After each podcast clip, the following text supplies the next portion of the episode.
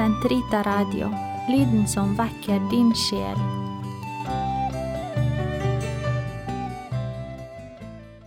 Den katolske kirkes katekisme, uke 29, torsdag 1455 til 1460. Synsbekjennelse. Å skrifte sine synder, synsbekjennelse, er, også fra et rent menneskelig synspunkt, en befrielse og gjør det lettere for oss å forlike oss med våre medmennesker. Ved synsbekjennelsen stiller mennesket seg ansikt til ansikt med de synder det har gjort seg skyldig i, det tar ansvaret for dem, og dermed åpner det seg på nytt for Gud og for det kirkelige fellesskap, slik at en ny fremtid blir gjort mulig.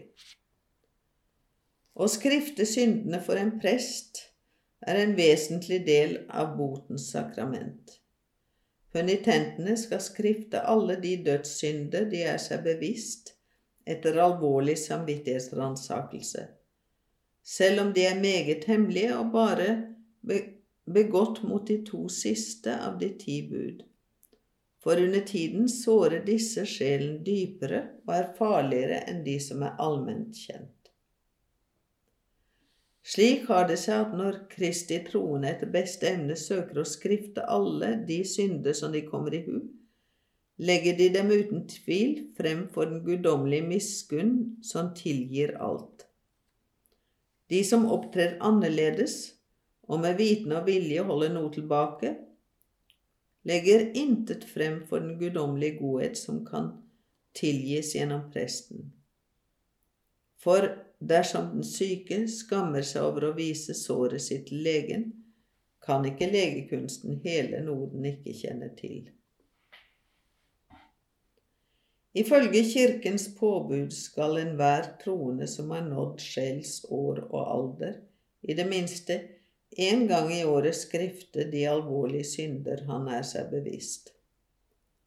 Den som har en dødssynd på samvittigheten, bør ikke motta Den hellige kommunion, selv om han føler oppriktig anger, uten på forhånd å ha mottatt den sakramentale absolusjon, om man da ikke har en alvorlig grunn til å kommunisere, og det ikke er mulig å finne en skriftefar. Barnet Barn må motta botens sakrament før de mottar Den hellige kommunion første gang. Selv om det ikke strengt tatt er nødvendig å skrifte de dagligdagse synder, venielle synder, anbefaler allikevel Kirken det sterkt.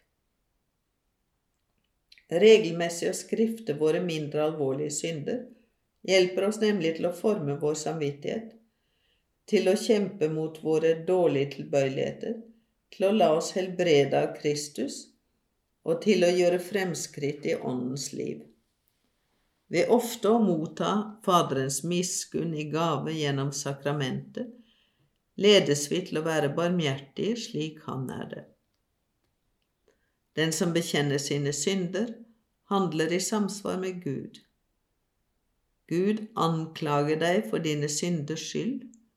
Når du gjør det samme, slutter du deg til ham. Mennesket og synderen er så å si to forskjellige ting. Er det tale om mennesket, er det Gud som har skapt det. Er det tale om synderen, er det menneskets verk. Ødelegg det du har gjort, slik at Guds frelse at Gud kan frelse det han har skapt. Når du begynner å hate det du har gjort, da er det dine gode gjerninger begynner, for du anklager dine onde. Begynnelsen på gode gjerninger er bekjennelsen av de onde. Du gjør sannheten, og du kommer til lyset. Bot Mange synder skader vår neste.